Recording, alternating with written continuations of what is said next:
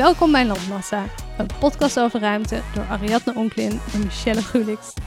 We bespreken met een nieuwsgierige, kritische blik de gebouwde omgeving in al zijn facetten. De zaken die ons opvallen, de personen en organisaties die dit vormgeven en de mensen die het beleven. Hey, Ari. Hey Michelle. How you doing? Good, you? Good. We're back. Yes! Season 2. Bam, bam, bam, bam. Oh, Ik heb er echt heel veel zin in. Ja, ik ook. Heb je nog iets gedaan deze zomer? Nou, jij had een topzomer, maar daar moet je straks zelf over vertellen. Mijn zomer heeft zich eh, vooral in de tuin afgespeeld. Ja. Ja, ik had eindelijk na zes maanden op een wachtlijst te staan, mocht ik geopereerd worden. En toen heb ik dus de rest van de zomer verplicht moeten chillen. Dus het was eigenlijk best wel oké dat het lekker weer was. Ja, maar was het niet een beetje te lekker weer? Is er iets van te lekker weer? Het was toch eh 40 graden of zo? Een paar keer. Toch? Ja, Of echt- nee. 36 of zo. nee joh, was heerlijk. Ja, Ja, ik heb me prima vermaakt. Lekker podcastjes luisteren. Heb je nog inspiratie eh, opgedaan voor onze podcast? Ja, je ziet wat ik aan heb. Eh Arie draagt een trui van The Hilo. En dat is een andere podcast die we allebei vaak luisteren. Van onze collega's. Ja, heel erg goed. Ik heb gewoon merchandise gekocht. ja, fijn. Nu alles weer helemaal oké? Ik ben helemaal back in business. Geweldig. Love it. Waar ben jij allemaal geweest? Eh, ja, nu voel ik me bijna eh, een beetje beschaamd om het te zeggen, maar ik heb eh, half Europa doorgereisd. Nee, dat is niet waar. Ik ben naar Italië geweest met de auto. Lekker. Ja, het was echt, eh, het was echt vooral ook heel bijzonder, want het was natuurlijk eh, corona en ik heb de Italianen nog nooit zo volgzaam en, en eh, zich aan de regels zie, houdend zien, gezien. Dus het was echt iedereen liep met een mondkapje en mensen hielden, nou ja, het, gewoon in het algemeen vond ik best wel, nou ja, meer afstand dan hier in Amsterdam in ieder geval. En ehm, ja, het was gewoon heel bijzonder. En we waren dus in een aantal grote steden ook, want we dachten, ja, als we er nu zijn, Even meepakken. ja, dan ga je natuurlijk nooit meer zien. Dus eh, we hebben Venetië gezien, echt eh, mega rustig. En Florence. Zonder mensen, toch? Gewoon bijna. Ja, het was echt. eh, nou, het was wel ehm, de eerste dag of zo. Dan zit je alleen maar van: dit is amazing, dit is geweldig. Wauw, wauw, wauw. Leeg San Marco-plein. Ja, en, maar op een gegeven moment ga je ook weer andere dingen zien. Dus dan zie je ook dat ook best wel veel winkels daar leeg staan. En eh, toen spraken we een man in het hotel waar we zaten. En die zei ook van ja, eh, eh, er zijn al honderd hotels gesloten. En mensen, nou ja, dat had ik niet zo gerealiseerd. Maar ze hebben natuurlijk in november al die hele grote overstroming gehad vorig jaar. Ja. En heel veel hotels, winkels, die hebben natuurlijk heel veel moeten investeren om de schade daarvan te herstellen. En nu ehm, komt die corona eraf. Dus ze kunnen hun geld niet terugverdienen. Dus, Dus- ze gaan allemaal onder water. Ja. Financieel. Onder weer. water en ook nog letterlijk. Want daar had hij het ook nog over. Ze, hebben, eh, ze zijn ook eh, bezig met zo'n eh, zo'n dam of weet je wel, zo'n waterkering. Ja. Nederlanders bouwen dat, toch? Ja, Ja. maar dat is dus ook al tien jaar over, over, over tijd, hoe noem je dat? Ja. Ehm, Dus- en dat ligt ook allemaal, het was allemaal de maffia. Het was, het was geen eh, leuk beeld wat die man eh, schetst eigenlijk Oh, over die stad. En dat weet je natuurlijk wel een beetje, maar het is toch wel, je, je zag het nu ook echt heel Super erg. zichtbaar, ja. heel zichtbaar. Ook gewoon omdat die, nou ja, het ziet er altijd naar uit als al die toeristen er zijn. ja. Zonder toeristen is het natuurlijk fantastisch mooi, maar je ziet het ook, het maakt ook weer andere dingen zichtbaar. Ja, en eigenlijk hoe erg ze die toeristen nodig hebben. Ja, en dus hoe eh, dat zo'n Haat-liefde verhouding. Ja, en ook een beetje dat zo'n stad zo afhankelijk is van één sector, dat dat dus super slecht, dat Ja. zo'n monofunctionele stad heeft echt geen, dat, dat kan gewoon niet, want dan is het gewoon een pretpark. En Ja. ik denk Amsterdam is nu nog heel goed, maar dat is wel een soort risicootje van, eh, wij zijn natuurlijk Venetië light, een beetje. We zijn het Venetië van het Noorden. Toch? Ik dacht dat Giethoorn. bruggen. Giethoorn. Oh, weet ik niet. Maar ik las, eh, of nou, ik las, ik reed er laatst langs, want ik woon er om de hoek. Eh, het NH-hotel, of NH-hotel van de Ja. Rai, dat is gewoon dicht, hè?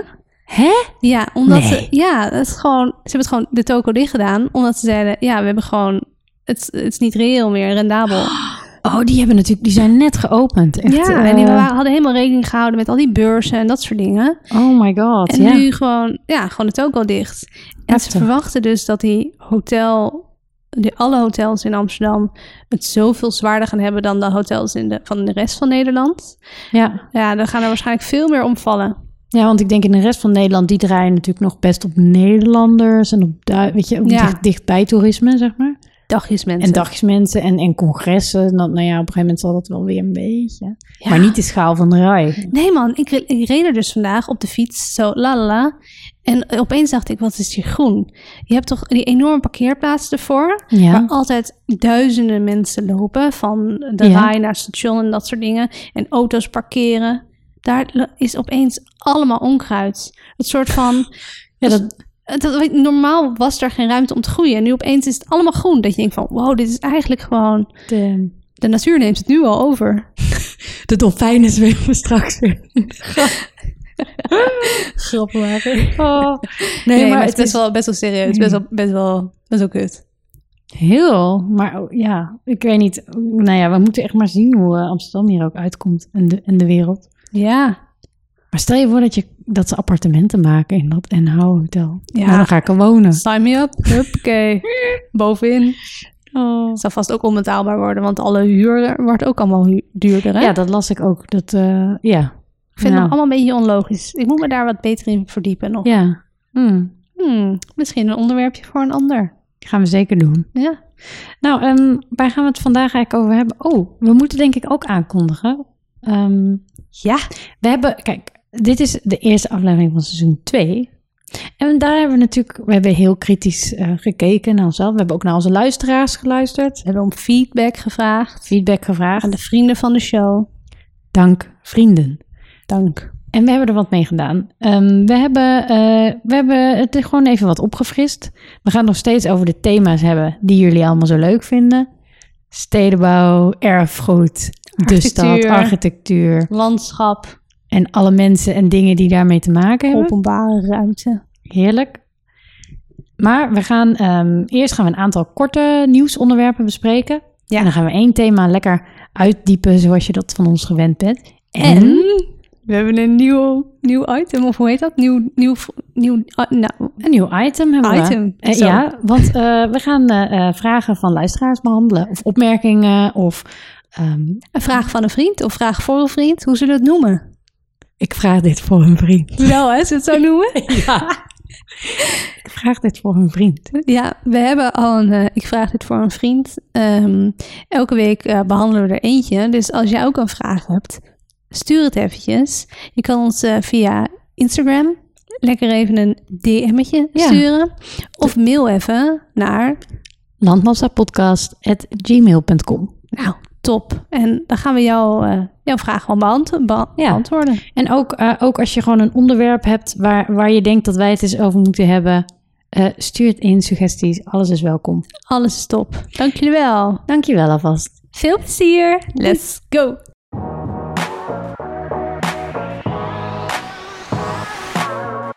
Ari, je hebt een, eh, een, een speurtocht gedaan deze zomer naar iets wat we in aflevering 3 van seizoen 1 hebben besproken. Kun je, kun je er wat over vertellen? Ja, man.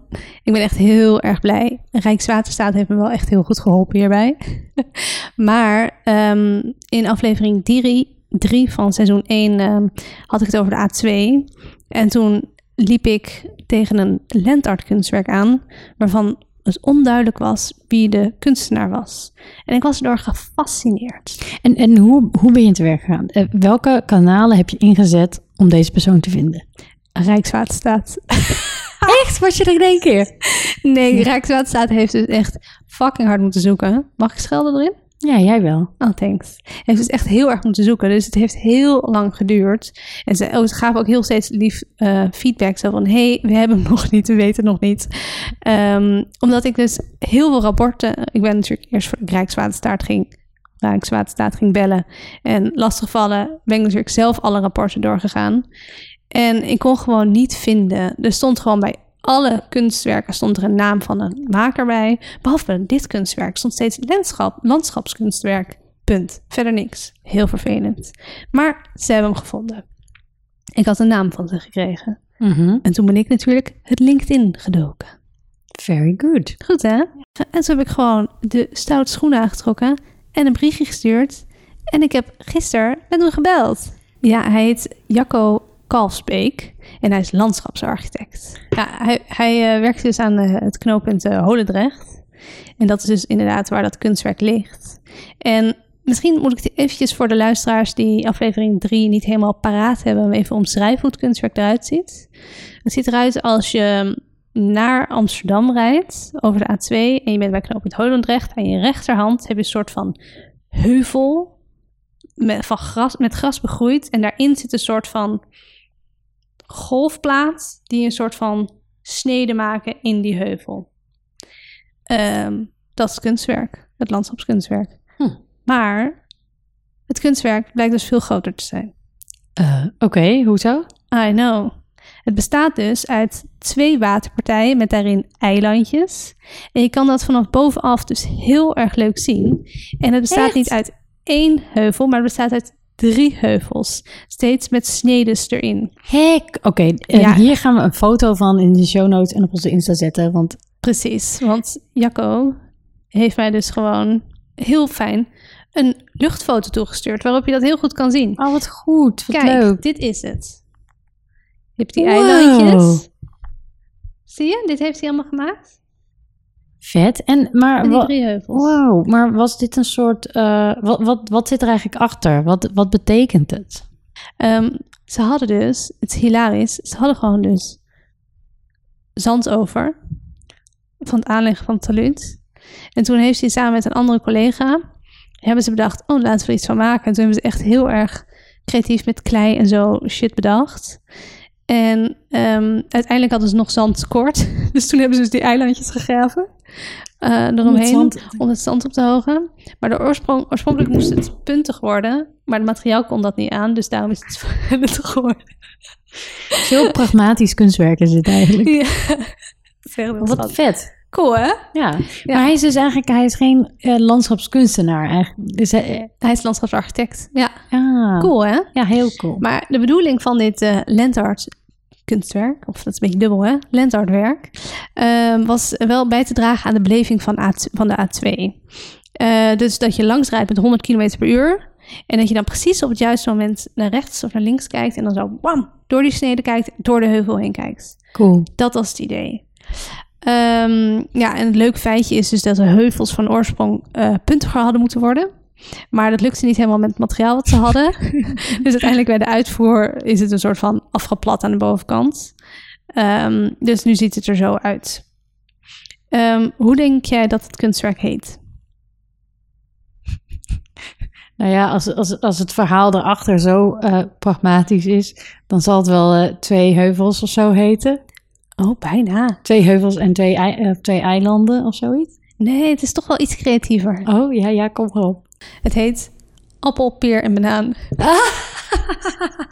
cool, hè? Heel erg. Naar de vorm van de heuvels. Ja. die van bovenaf die vorm hebben. Ehm, maar ja, er is dus wel iets schokkends gebeurd. Oh. Ze hebben dus een stukje. eh, ze hebben met de verbreding van de A2 hebben ze geen rekening gehouden met de werken. En hebben ze dus twee heuvels verwijderd.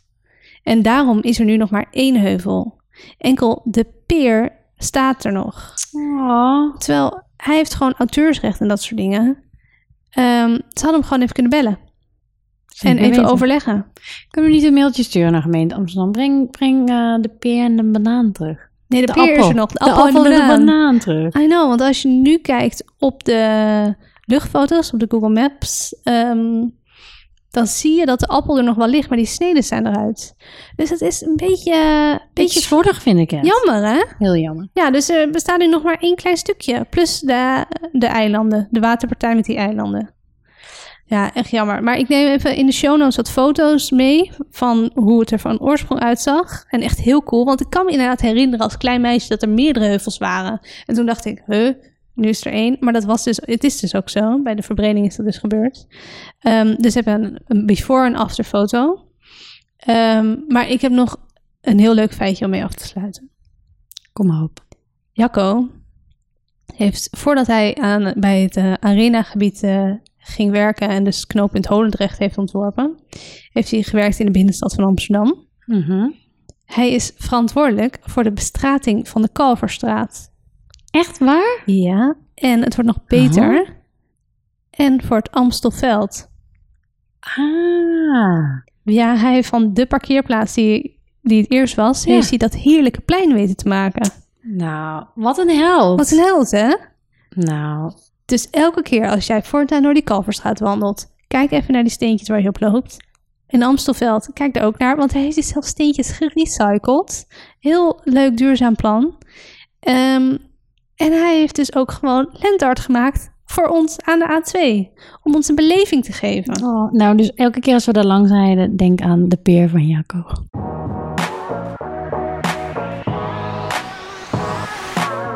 Eh, Michel, wat is nog meer eh, nieuws? Ja, nou, ik, ik ga ook weer even terug naar iets waar we het vorig seizoen ook al over hebben gehad. Eh, en dat is het nieuwe instituut. Eh, in aflevering 6 hadden we het er even over. Dat, eh, nou ja, ze waren wat negatief in het nieuws. Omdat op architectenweb was er een, eh, een architect, Kees van der Hoeven.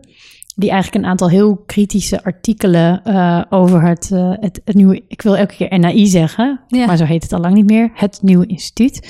Ehm, Waarom wil je NAI zeggen? nou, vroeger was dat het Nederlands Architectuurinstituut. Precies. Ja, maar ik heb er ook nog stage gelopen. Dus ik heb ook echt een. Nou ja, ik heb, ik verbonden. heb echt een hart voor, voor, voor, ehm, voor dat instituut. Ehm, en nou, die Kees van der Hoeven had dus nou, best wel ehm, felle artikeltjes, vond ik het. Een soort drieluik was het ook. Het werd Ja. ook met een beetje eh, je dat? Bombari, eh, aange- aangekondigd met Ja. Bombari.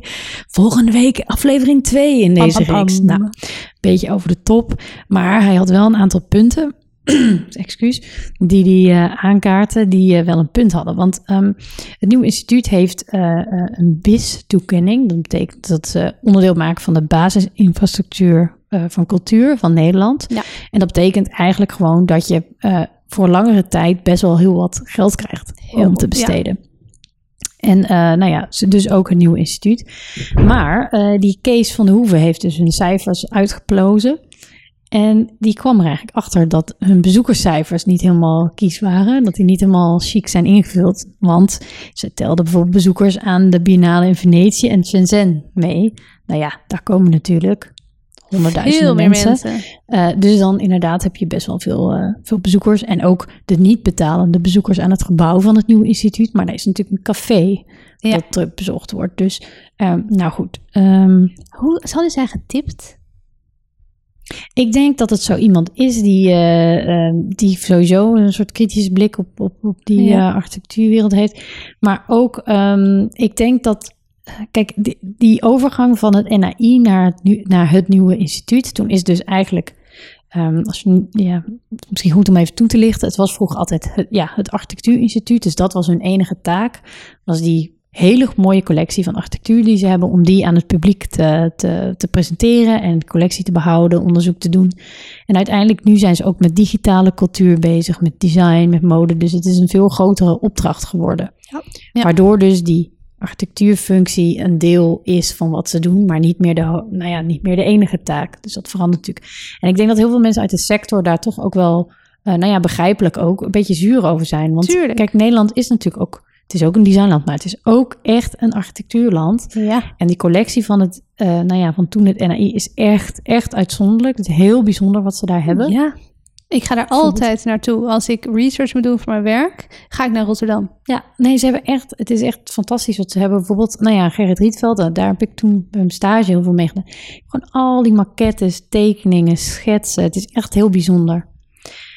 En eh, ja, daarom is het dus ook een beetje zuur dat die artikelen eh, uitkomen. En vervelend ook dat dat dus, nou ja, dat het dus eigenlijk een, een beetje schuurt al- aan overal.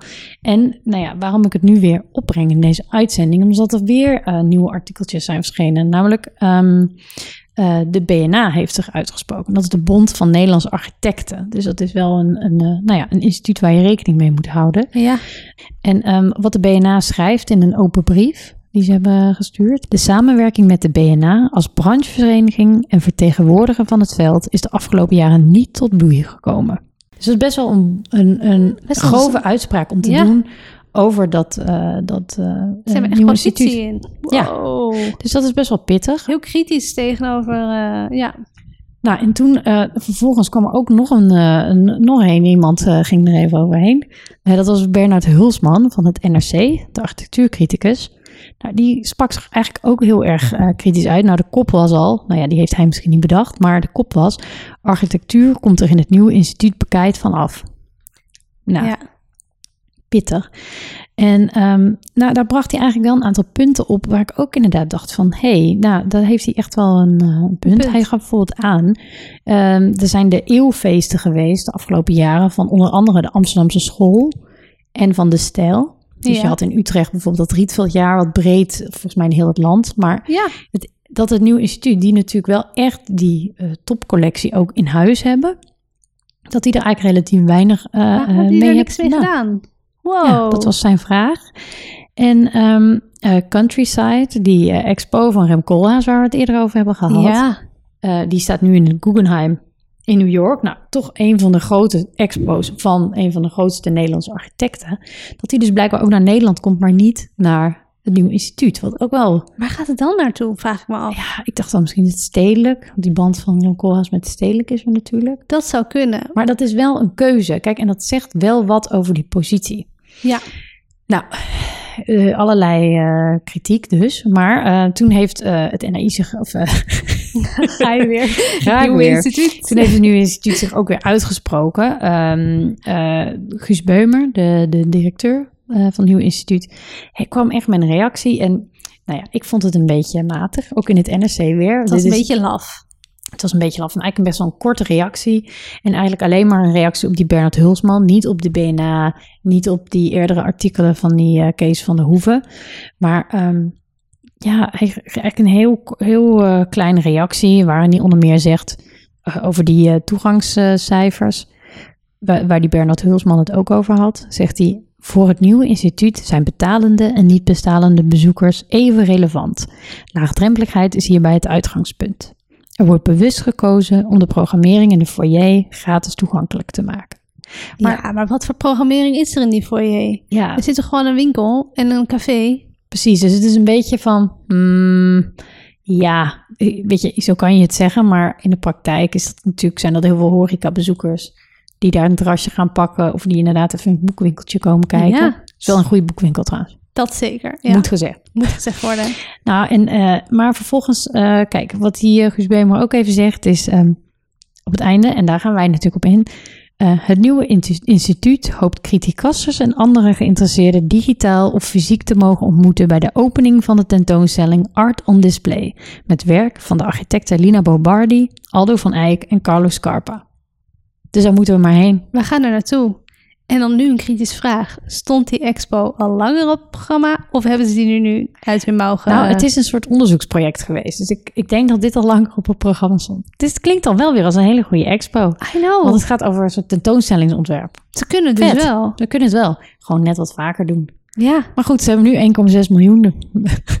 dus, eh, Dus eh, even wat meer expos maken. ja, En wij gaan lekker kritisch zijn. precies.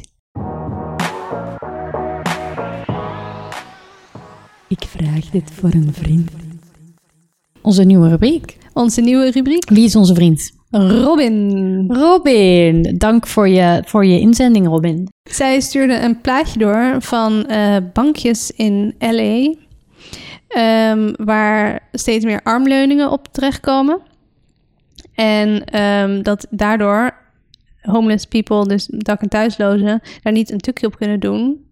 En dus op de grond moeten gaan liggen. En dan sneller sterven aan onderkoeling. Jezus. Dan nou, bijvoorbeeld New York of San Francisco. nou leuk, leuk eh, laatste item voor zo'n Ja. topic. Maar ze stuurde door, ze zei...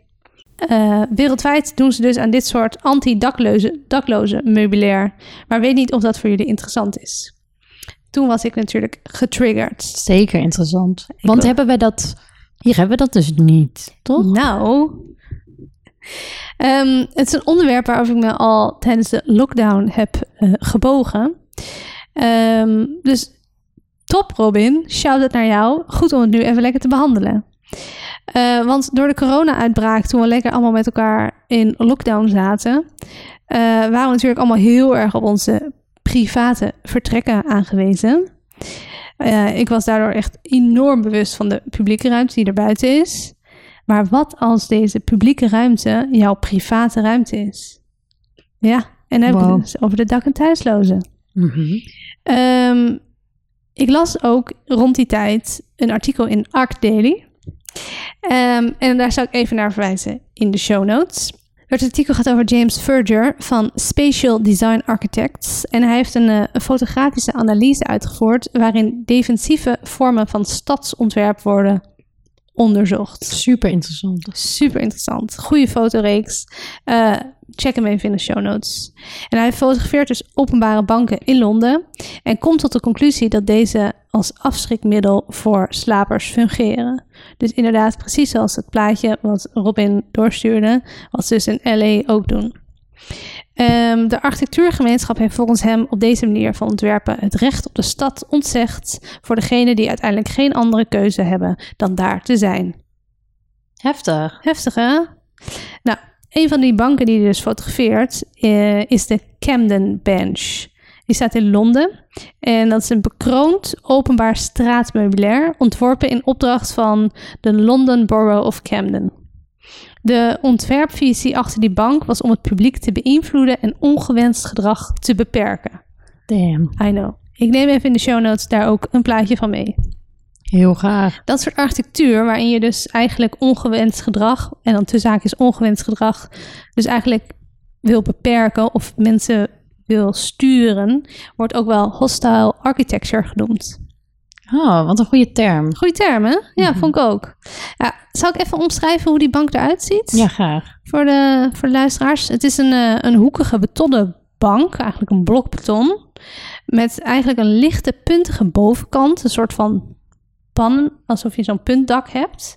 Eh, zodat je aan twee zijden een zitvlak hebt, maar wel een beetje schuin aflopen. Dus je kan niet echt lekker op het betonnen blok gaan liggen, want dan heb je gewoon een puntig beton in je rug. En daarnaast is aan de voorkant en aan de achterkant eh, is het beton hoger. Aan de ene kant hoger, aan de andere kant lager. Eentje voor korte beentjes om te zitten en de andere voor wat langere beentjes. Dus het is ook... Je kan er niet lekker op liggen.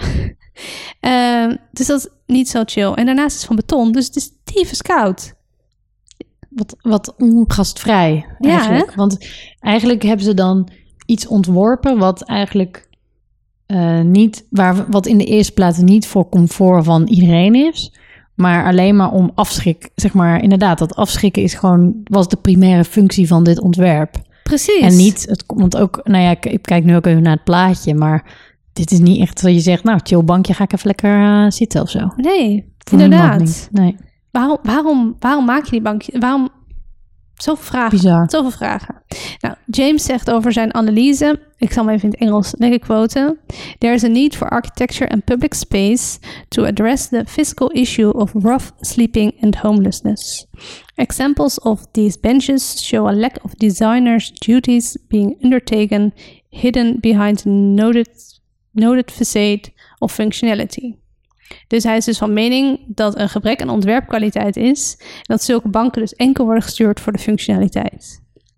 Ja, dus een echt een bekroonde bank, maar dus totaal niet chill. Guardian-schrijver Alex Andrew verbaasde zich ook al eerder over deze anti-dakloze dingen.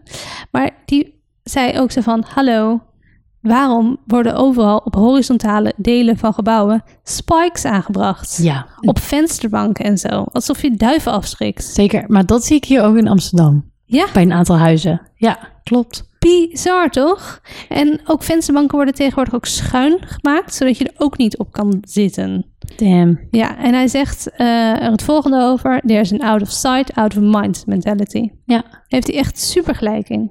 En hoe zit, hoe zit dat dan hier in Amsterdam? Ja, nou, Robin dacht dus dat we in Amsterdam saaie bankjes hadden. Waar je wel lekker op kan tukken dus. Ja, maar dat is dus niet waar. Is het hier ook aan het veranderen? Oi, oi, oi. Zo ken ik uit mijn hoofd, als ik gewoon eventjes zo pieuw, nadenk. Om, bij mij om de hoek op het Maasplein zijn geen bankjes. Dat zijn een soort van losse stalen stoeltjes. Ja, van die...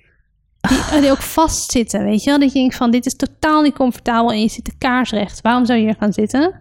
En ook eh, bij de Het is wel heel coronaproof. Heel coronaproof, goed op afstand. Nee, maar in de, ja, klopt ja. Ja, en ehm, bij de Westkerk heb je Mhm. ook lange banken. Ook allemaal met armleuningen ertussen. Hmm. Ja, dus eh, gaat niet helemaal lekker. Maar ook in eh, Rotterdam heb je op dat nieuwe station natuurlijk... heb je ook poefjes in plaats van banken. Ja, klopt, die, die champignonnetjes. Ja. Ja, dat klopt. Die zijn eh, nieuw van de NS. Die Ja. gaan ze, eh, ja, klopt. Overal invoeren. Dat heeft natuurlijk ook een dubbele functie. Ja. Ja, dus eh, toen ik even nadacht, dacht ik... hey, hebben we dit misschien ook? Dus toen ben ik dus even in de Puccini-methode weer gedoken. Chill, we Michelle, love Puccini. What's de Puccini-methode in één zin? Dat is een ontwerpmethode die ze in Amsterdam hanteren om de hele stad consequent vorm te geven met een aantal vaste elementen. Wauw, Hey, props voor even uit mijn Michelle. mouw. Bam, bam, bam. Als je de Puccini-methode wilt lezen, even lekker naar de show notes. Het is fascinerend. In de Puccini, of luister een van onze hoofdstukken. Welk hoofdstuk was het? aflevering 3, toch? Eh, aflevering. Ik ga eens even voor jullie opzoeken. Puccini tot Palermo. Aflevering 3. Ja. Ook onze, een van onze meest beluisterde afleveringen, volgens mij. Ja, People nou, love. Mensen houden van verkeer. verkeer jongen. Dus even naar de show notes. Of luister gewoon lekker aflevering 3, seizoen 1 even terug. Dan weet je alles over de Puccini-methode. Maar in de Puccini-methode staat, staat dit. Ehm, Amsterdam wil een toegankelijke stad zijn. Niet alleen omdat Nederland in 2016 het VN-verdrag voor mensen met een beperking heeft ondertekend, maar simpelweg omdat we als stad willen dat iedereen de mogelijkheid heeft om te gaan en staan waar hij of zij wil. Nou, hier gaan ze natuurlijk over mensen met een beperking. Dat je met een rolstoel of een kinderwagen overal naartoe kan en door kan. Maar er staat wel dat iedereen de mogelijkheid heeft te gaan en te staan waar hij of zij wil. Nou, toen ging ik verder zoeken. Lekker scroll, scroll, scroll naar de zitbankjes. De zitbankjes in het straatmeubilair eh zit er lekker een plaatje bij. En dat is best wel een mooi bankje. Het is de Amsterdamse canapébank. Je kan hem, eh, hij is ooit ontworpen in de jaren 50 door de dienst publieke werken. Het is gewoon zo'n lekker Frans ogend bankje. Zo lekker golvend van hele kleine smalle houten latjes. Ja, die zijn chill. Die Dat- zijn super chill. Ja. Dat is, Die wil ik voor mijn huis.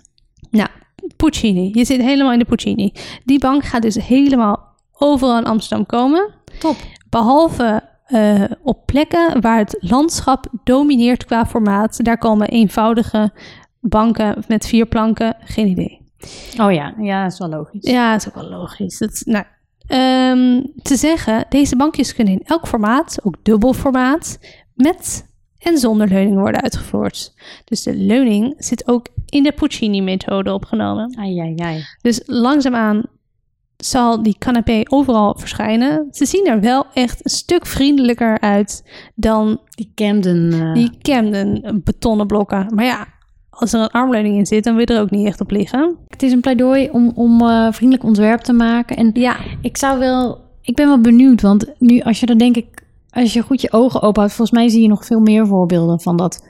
Zeg maar, wat was het? Hostile design. hostile architecture. Hostile architecture. Ik, eh, ik, ik zou wel onze, onze luisteraars willen oproepen als je zulke voorbeelden ziet. Ik Ja, moet ze verzamelen, want ik vind het wel een heel interessant onderwerp eigenlijk. En zo zie je dus hoe eigenlijk die publieke ruimte wordt ingericht voor eh, een bepaalde, bepaalde laag van de bevolking eigenlijk. Ja, en dus dat het ook publiek echt, is die ruimte dan? nou, en ook dat het heel politieke keuze is.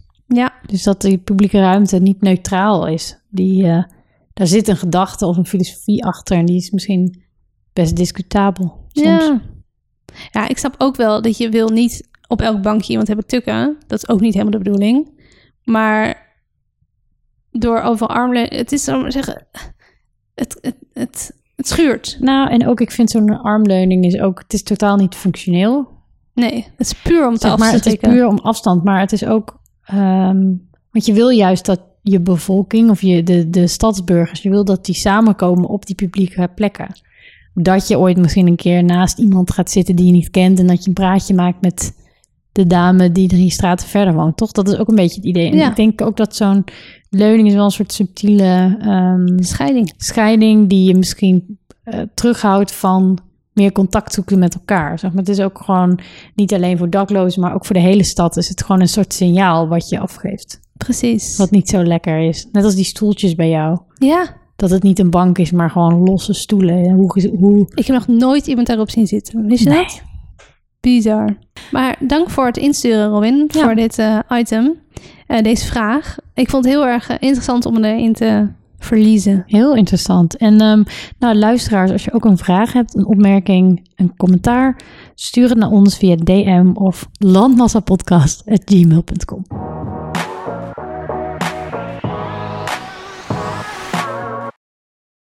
Arie, ken jij dat versje over Amsterdam? Dat zei mijn moeder vroeger altijd. En dat gaat zo. Amsterdam, die grote stad, die is gebouwd op palen. En als die stad eens omviel, wie zou dat dan betalen? Ken je dat? Nee, wat is het voor amazing versje? Ja, dat is een soort kinderversje. En ik weet dat mijn moeder dat wel eens zegt. En nou, dit versje is dus ineens heel relevant. Het is heel relevant. Want, nou ja, eh, als die stad omviel, wie moet dat dan betalen? Nou, dat is eh, de gemeente Amsterdam dus, blijkbaar. Maar dat zijn eigenlijk de inwoners van Amsterdam. Precies. Dus wij gaan dokken. Yes, nou even wat context voor deze introductie. Ehm, waarschijnlijk eh, hebben jullie het wel in het nieuws gezien. Eh, een aantal eh, dagen geleden is er bij de Grimburgwal Ja, in man. Amsterdam, in het centrum, is gewoon een kade ingestort. Ik ben als sensatiezoeker er naartoe gefietst om Wel, te kijken. Wat trof je aan het was de plaats spectaculair. Nou, iedereen wilde Oh, mijn kat loopt. loopt door, door het beeld. Iedereen wilde. Nou, we stonden allemaal achter een lintje en iedereen wilde een foto maken, een foto maken, een foto maken. En dan mochten één voor één mochten we even kijken. En ik was echt van, ja, ik wil gewoon even lekker kijken hoor. Het is bizar. Er was gewoon heel die kade was gewoon gone. En er lag zo'n lantaarnpaal, stak nog een beetje boven het water uit. Je zag leidingen overal, kabels. Het was echt dat je dacht van, wow. Ook het water was helemaal, zo maar zeggen, nog extra Bruin vertroebeld Ja, ja, ja. echt bizar. Ook een hekje was gebroken. Het was echt een ding van, what happened? Maar het is zo'n eh, toevalligheid eigenlijk dat er niemand liep. Want volgens mij is er niemand gewond geraakt. Nee, het boffen dat de studenten thuis eh, studeren. Precies. Want het is midden, eh, het is echt om de hoek bij de, bij de UvA, bij de Het is van universiteit. de universiteit. Ja. Nou, en dit is dus eigenlijk een, een ehm, resultaat van een veel, veel, veel groter en mega omvangrijk probleem voor de stad Amsterdam. Want het is dus heel erg slecht gesteld met alle kades en alle bruggen in de stad. ja. Overal waar je wandelt eh, kan best wel wat mis zijn onder je voeten, terwijl je het eigenlijk niet door hebt. Nou, ehm, even wat, eh, wat context van eh, de gemeente Amsterdam is verantwoordelijk voor in totaal 1800 bruggen in de stad. Dat zijn nogal wat. Heel veel. En 600 kilometer kade. Ja. En ik heb even 600 kilometer, dat is heel ver, want dat is eigenlijk bijna de afstand tot Berlijn. Dus Amsterdam-Berlijn. Dus dat is de afstand waar we het over hebben. En ik geloof dat 200 kilometer kademuur is, is waar ze zich nu op richten. Ja. En dat is echt kademuur die waarschijnlijk eh, het meeste echt, echt in, in, eh, in heel slechte staat is. Ja, die, ze hebben 600 kilometer in Amsterdam en de gemeente die heeft onder beheer, dat is het, heel slim, die 200 kilometer. Maar elk artikel wat ik lees heeft een ander, Ja, ander getal. De ene keer hebben ze 205 meter, de andere keer hebben ze 200, de andere keer iets anders. ja hier las ik elke keer van ja, 600 kilometer en dan die 200 kilometer is wat ze gaan Ja, ja, ja, dat gaan ze doen. Zo Ja. shocking. Nou, dat is dus een enorme eh, grote. eh, ja, dit- dat is. Het is ook zo'n project waarvan je denkt dat je ziet het niet, maar het is heel slecht. Dus nu eigenlijk eh, de kademuur instort en het is de afgelopen jaren op een paar plekken wel gebeurd. Ook bijvoorbeeld een sinkhole. Eh, Ja, dat wat is paar het? Wat, want ze zeggen dus bij de, bij de Grimburgwal dat het een sinkhole was. Wat is een sinkhole? Nou, dan, dan moeten we eigenlijk wat dieper ingaan op hoe die kade is opgebouwd. Want eh, inderdaad, Amsterdam is een stad die gebouwd is op palen. Ja.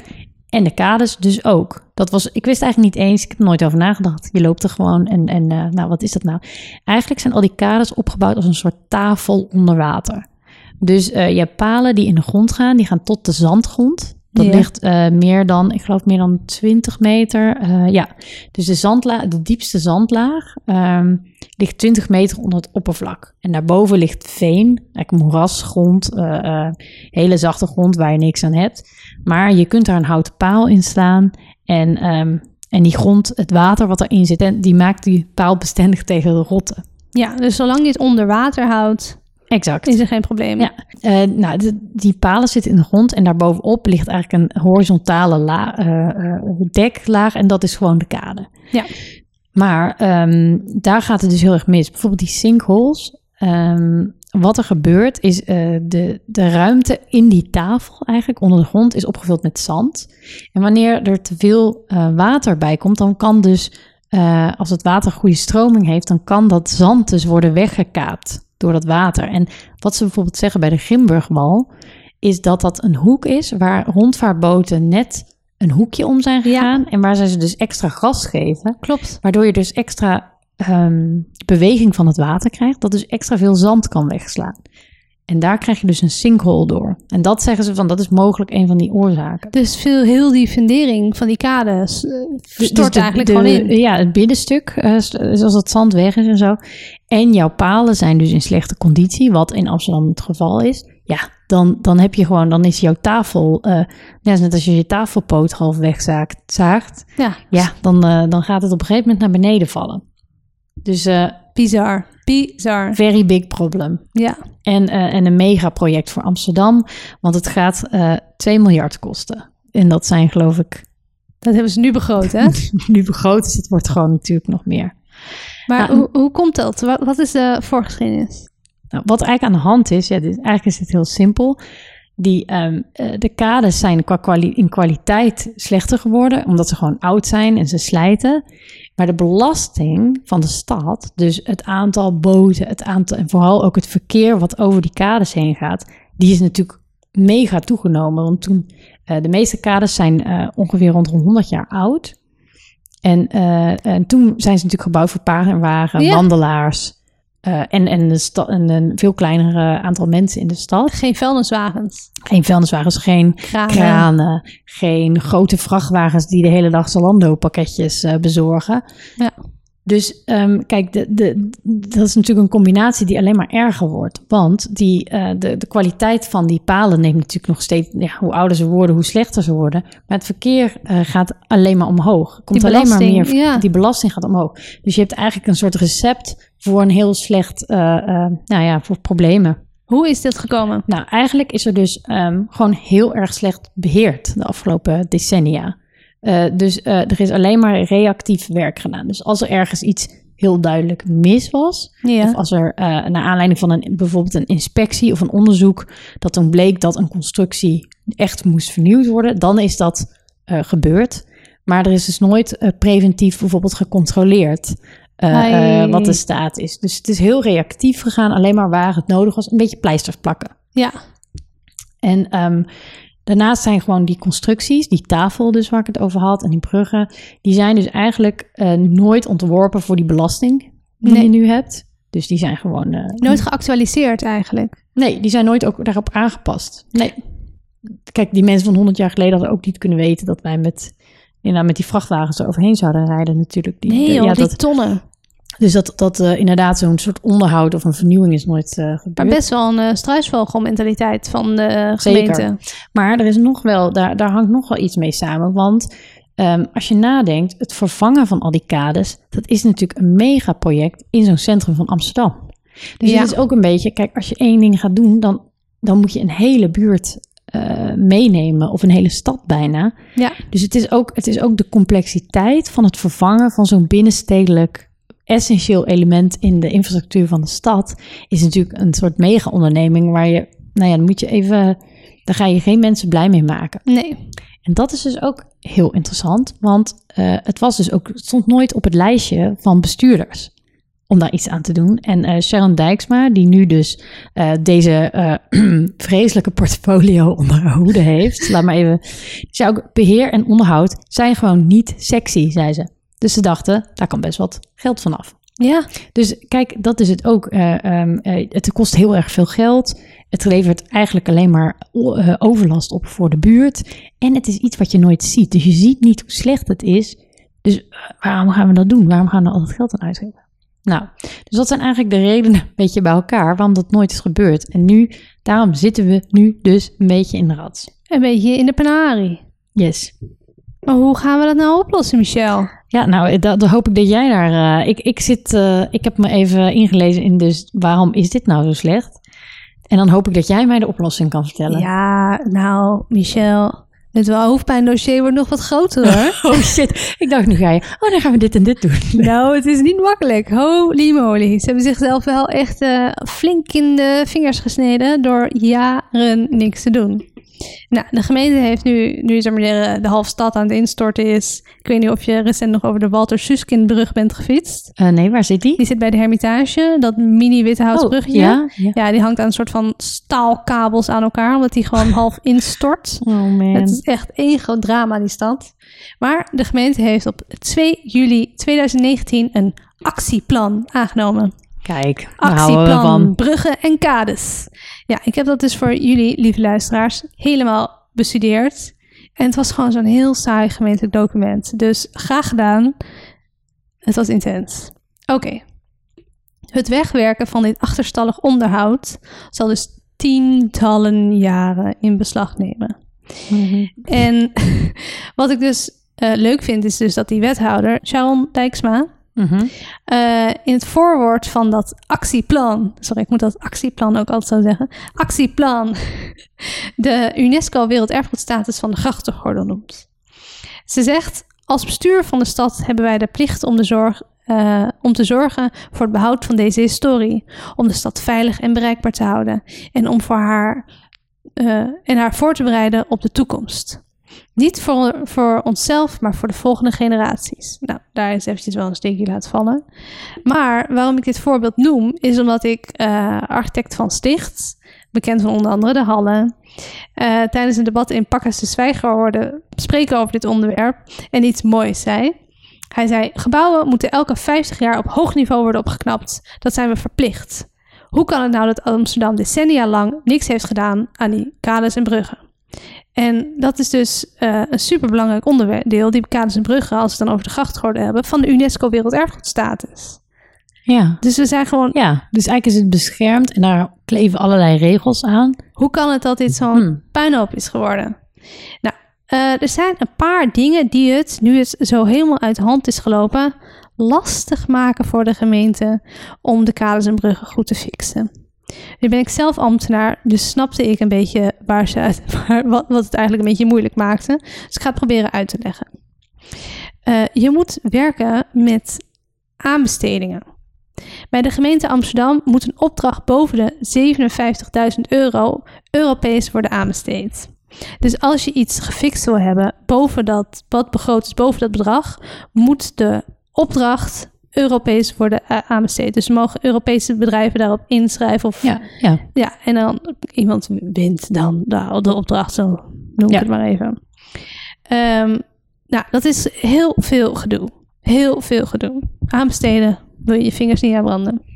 Dus wat ze dus ook doen, is door onder dat bedrag te blijven, het in stukjes hakken, de opdracht. Ehm, zodat het landelijk aanbesteed kan worden. En ideaal is als je zeg maar zeggen, niet hoeft aan te besteden, dat je iemand gewoon gericht kan vragen. Maar ik ga Ja. ervan uit dat dat niet, eh dat bruggen en kaders opknappen niet in dat budget valt. En ik, maar ik snap het ook ergens wel, want het is inderdaad ook te risicovol bijna om, om, eh, om dat gewoon maar aan één iemand Nou ja, Ja, moeilijk. Maar ja. ja. ook weer niet. Want dit heeft dus gevolg dat als een partij bijvoorbeeld een stukje Herengracht doet, heel veel kennis en ervaring op, ophaalt. En dan daarna een andere partij wordt gevraagd voor de Prinsengracht. En die moet Ja. eigenlijk het wiel opnieuw Ja, uitvinden. ja. Terwijl er al heel veel kennis en expertise is. Dus dat gaat dus, het is eigenlijk, maken ze het zichzelf moeilijk omdat er gewoon gedoe is met aanbesteding en geld. Nou, dat is een van de dingen waarin ze het moeilijk voor zichzelf maken. Een ander ding wat, waarin ze het moeilijk maken, is dus dat wat jij zei, het niet sexy zijn van het onderwerp. Eh, er is nu een actieplan aangenomen en er is ook gestart met de uitvoering ervan. Maar politiek is dus heel erg vloeibaar. Dus een volgende wethouder die dit als portefeuille heeft, en die heeft misschien een andere politieke kleur Ja. en die vindt misschien andere dingen interessanter. Ja, want ze zitten natuurlijk daar vier jaar. Ja, Eh, dus je wil iets, nou ja, dat is een ding altijd. En je wil iets realiseren. Je moet een prestigeproject. En dit is natuurlijk tientallen jaren. Dus de GroenLinkser wil niet dat de VVD'er daarmee gaat happy. Zeg maar dat. Ja, En andersom. precies. Dus het is, maar zeggen, het overstijgt, deze opdracht overstijgt eigenlijk heel het politieke spel. Ja. Dus eh, eigenlijk moet dit los worden gekoppeld aan heel, heel dat politieke spel. Dus het is eigenlijk gewoon super verstandig om gewoon één werkgroep op te richten, dat te mandateren. Dus dat die gewoon zelf mogen functioneren, los van het, wat het college wil en dat soort dingen. Ja, Ze mogen ja. zelf de besluiten nemen. Ze hebben gewoon de pot geld die ze nodig hebben. En dan kan iets geregeld worden. Want nu zitten ze vier jaar met deze wethouder. Maar misschien hebben ze hierna vier jaar met een andere wethouder. En die heeft er misschien niet zo'n zin om daar dat geld aan uit te geven. Of is het eens met de beslissing eerst die kade te doen en dan die kade. Dat kan. Dus dat is ook dus... Nou, politiek is... eh, gemeente is moeilijk. Moeilijk. Nou, daarnaast eh, moet er nog wat eh, beleid worden aangepast. Ja, want ehm, er moeten nieuwe kaders en regels worden opgelegd over... Zo kunnen ze voorkomen en ja, eigenlijk verbieden dat er zoveel ton op een kade terechtkomt. Dus we moeten gewoon Oh ja. in het ja. beleid regelen dat op de Herengracht niet meer zo'n enorme kraan mag staan. Maar dat moet worden geregeld in het beleid. En dat beleid moet dus eerst worden aangepast, moet dus worden herschreven en worden aangenomen eh, via het college door de gemeenteraad. Dus dat is ook een enorm proces. Ugh. Ja, dus en er zijn nog meer problemen. Echt, oi, oi, oi. Nou ja, werken voor een gemeente. Ehm, Maar technisch, van wat, wat is het plan? Zeg maar, hoe willen ze dit Ja. aanpakken? Wat is hun... als ze dit allemaal hebben over... eh, Als we dit allemaal... Dan zijn we door die bestuurlijke, dramatische... Dr- d- brei nou ja, heen. Ja, en, en dan? Wat, eh, wat gebeurt er dan? Nou, nu hebben ze ook een, na het actieplan een programmaplan aangenomen. Mm, mm. Dat was Gemeente, man. Ze, Ja. ze weten wel hoe ze het niet sexy moeten maken. Dan hebben we het al over kaders. Maar gemeenten zijn ook niet... eh, En dit, dit document was nog taaier dan het actieplan. ugh. Dus eh, graag gedaan. Eh, mooi is dat hier ook weer het aantal bruggen en aan- een aantal kilometers kades weer heel andere aantallen heeft. Ik bedoel, als we dat niet eens kunnen aantonen, aanwijzen. I know. Nou ja, in dus het actieplan is een risicoanalyse gemaakt van wat is, welke kades, welke kilometers zijn gevaarlijk, welke bruggen zouden gevaarlijk zijn. Maar daar hebben ze dus een soort van verwachtingsanalyse gemaakt. Ze hebben gewoon gekeken naar die bruggen. Hmm, wat zou, wat zou als eerste, wat zou het, probleem, het eerste probleem zijn? Dan kan je gewoon kijken wat, naar de ouderdom. Dat is eigenlijk heel makkelijk. Ja. ja. En ehm, nu gaan ze, het uitgangspunt wat ze nu gebruiken is risicosturing. Dus de gemeente heeft een, eh, een plan gemaakt dat bestaat uit drie stappen. Stap 1 onderzoeken, stap 2 overeind houden, stap 3 vernieuwen. Ja. Nou, top. Onderzoeken. Dan denk je, nou, hoe moeilijk kan het zijn? Blijkt dus dat ze dus ook archiefonderzoek moeten doen. Maar dat de afgelopen decennia gewoon niet goed is bijgehouden welke, welke kade welke klussen heeft gehad. Dus er zijn enorme gaten. Dus daar, Oh, daar kunnen ze niet echt eh, van uitgaan. Ehm, Want ik heb wel een videootje gezien dat ze echt duikers naar beneden sturen. precies, dus ze moeten nu op locatie. dus ze moeten dus duikers in. Maar je een moet je vette baan. voorstellen, Vette baan. Ja, dat is vet, dat is vet. Live goal. Maar het is dus troebel water. Dus die duikers, die zien niks. dus die moeten dus op de Nog tast... geen dolfijnen? Nog geen dolfijnen. Die moeten dus op de tast afdalen naar dus die palen. Oké, laat maar. Ik wil de baan al niet meer. En dan, en dan voelen, aan de hand van wat zij voelen, dingen concluderen. En houtmonsters nemen ze. Oh ja, oké. Ja. Oké, Oké, Dus dat is iets wetenschappelijker. het is iets minder leuk. Ja. Ja, ja, ja, ja. Nou ja, om, ehm, gelukkig mogen, gebruiken ze ook sonartechnieken. Oké. Dus dat is iets... Dan heb ik iets meer vertrouwen in dan het voelen van Mm. duikers. Maar wellicht zijn die heel, heel, hebben die hele goede skills. Maar om 200 kilometer aan kades te onderzoeken... hebben ze acht jaar nodig. Dat is alleen het onderzoeken, hè? Man. Ja. Maar kunnen ze niet een deel al doen? Ja, nou ja, de, de, de, de delen die al te slecht in Ja, ja, dat gaan ze Ja. dus doen. Ze Ja. beginnen met het slechtste. En dan loopt dat verder natuurlijk, die, die procedure. En dan gaan ze verder met de volgende. Maar het is dus heel jaar, veel werk. En ze volgen inderdaad gewoon eh, de volgorde van die risicoanalyse. Daar beginnen ze. Wat ze daarnaast moeten doen, of qua onderzoek, zijn metingen. En dan eh, gaan ze gewoon in de gaten houden. De, verzakkingen. verzakkingen. Ja, Beweegt het, dan gaat het niet goed. Nou, ehm, dat is natuurlijk ook vet veel werk. Dus wat ze nu- doen, is gebruik maken van satellieten. En die doen dus de metingen voor de gemeente. Dat is echt best wel cool. Ehm, wat, wel ook, wat ze ook moeten doen, is dus als ze een kade gaan vervangen, moeten ze ook de gebouwen die daar aan staan meten. En checken of die fundering goed is. Ze, mogen, ze moeten twee jaar aan metingen hebben verzameld van de gebouwen die aan de kade staan, voordat ze een kade mogen Oh my vervangen. God. Dat is echt. Want anders krijg je natuurlijk wat ooit op de Vijzelgracht is gebeurd. Dat die eh, huisjes bij dat graven van de Noord-Zuidlijn, dat die huisjes gewoon instorten. Precies. Oh my God. dus het is echt een bizar. Die arme. Dijksma, echt. Echt, wat, Wat een, klus. Echt, oi, oi, oi. Ja, zij is enkel de wethouder, hè? Moet je voorstellen, die mensen die het echt moeten doen. Oh. Uh, Oké, nou, de laatste stap in het... Nu hebben we het enkel over het onderzoek doen, hè? Mhm. De laatste stap in het onderzoek doen is afwegen en besluiten. Dus het steeds prioriteiten. Gewoon zo van, is de veiligheid belangrijk? Is eh, het bereikbaarheid belangrijk? Dat, en Ja, dat dus ja. aan de hand van die risicoanalyse. Zodat bijvoorbeeld ook een beetje integraal, dat ze een beetje...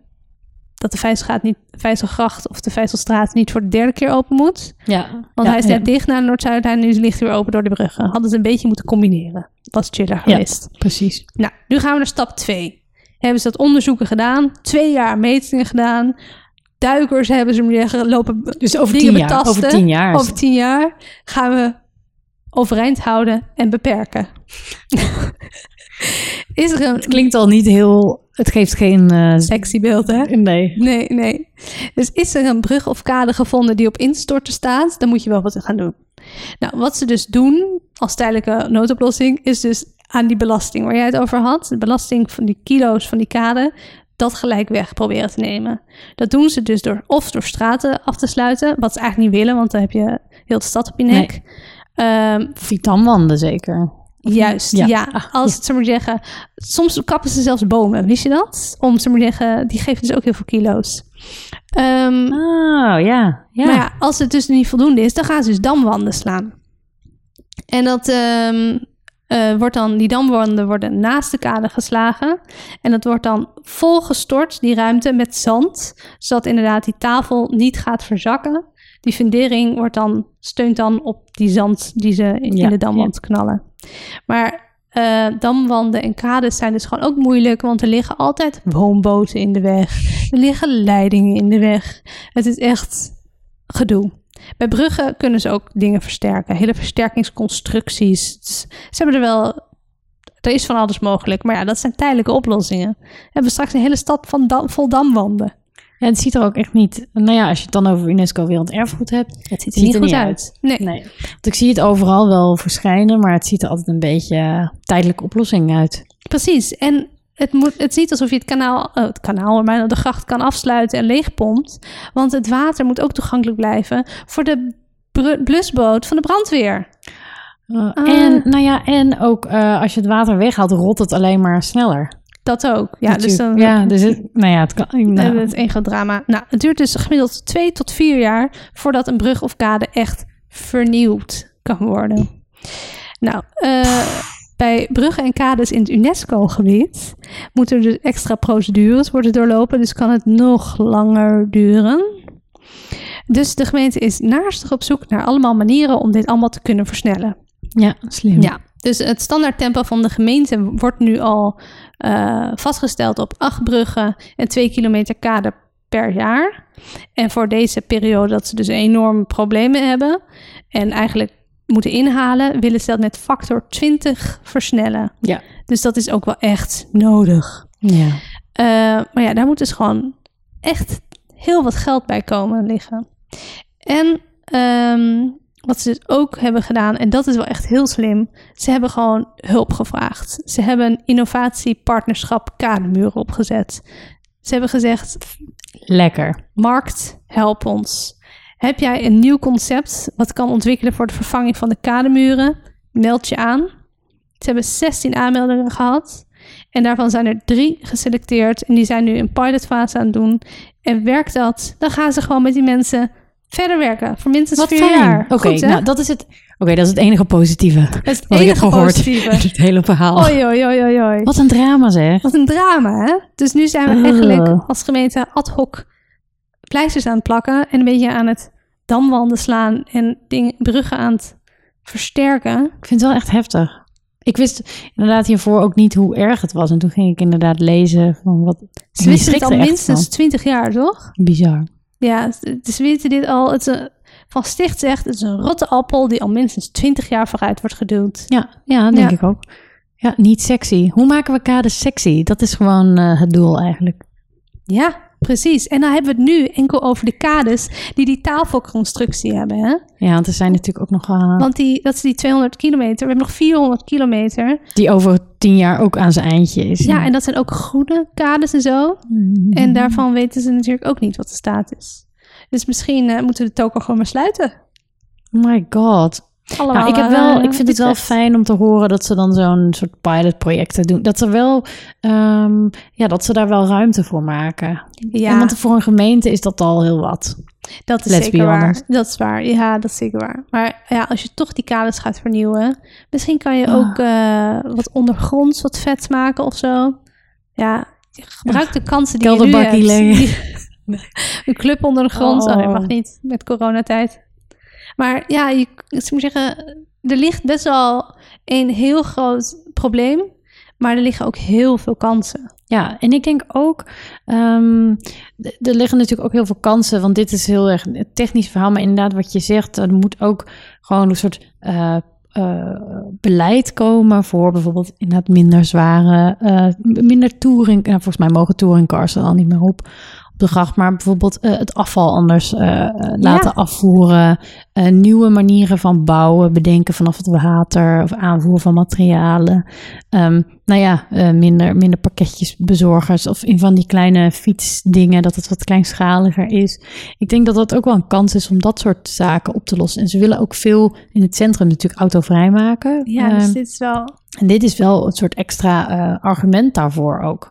Zeker, ja. Want je blijft inderdaad gewoon, ja, het is wel een. eh, maar ja, het risico is ook weer. eh, nou ja, als we het aan het begin van de uitzending over Venetië hadden, dat je een soort Venetië wordt. Dat je gewoon. eh, dat het een soort voetganger fietsenzone wordt. Ja, Ik denk dat we dat ook niet moeten willen. Als, Nee, ik eh, denk het als ook niet. Amsterdam. nee. Wow, maar ik wil. Ja, we zitten de komende paar jaar dus gewoon nog een beetje in de troep. Maar voordeel, het grote, wat ik wel knap vind, ze gaan zo goed als mogelijk proberen de stad gewoon bereikbaar te houden. Dus om de werkzaamheden heen, extra bruggen bouwen, zodat we wel er langs kunnen. Ja, Dat is wel echt, ze denken wel aan de Amsterdammers. ja, Eh, dus dat is wel echt top. Maar ehm, ja, wellicht ziet Amsterdam nog over 50 jaar, zien die kaders er shining mooi uit.